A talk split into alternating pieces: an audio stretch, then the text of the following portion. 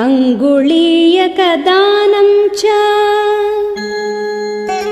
वृक्षस्य बिलदर्शनम् प्रायोपवेशनम् चापि सम्पातेश्चापि दर्शनम्।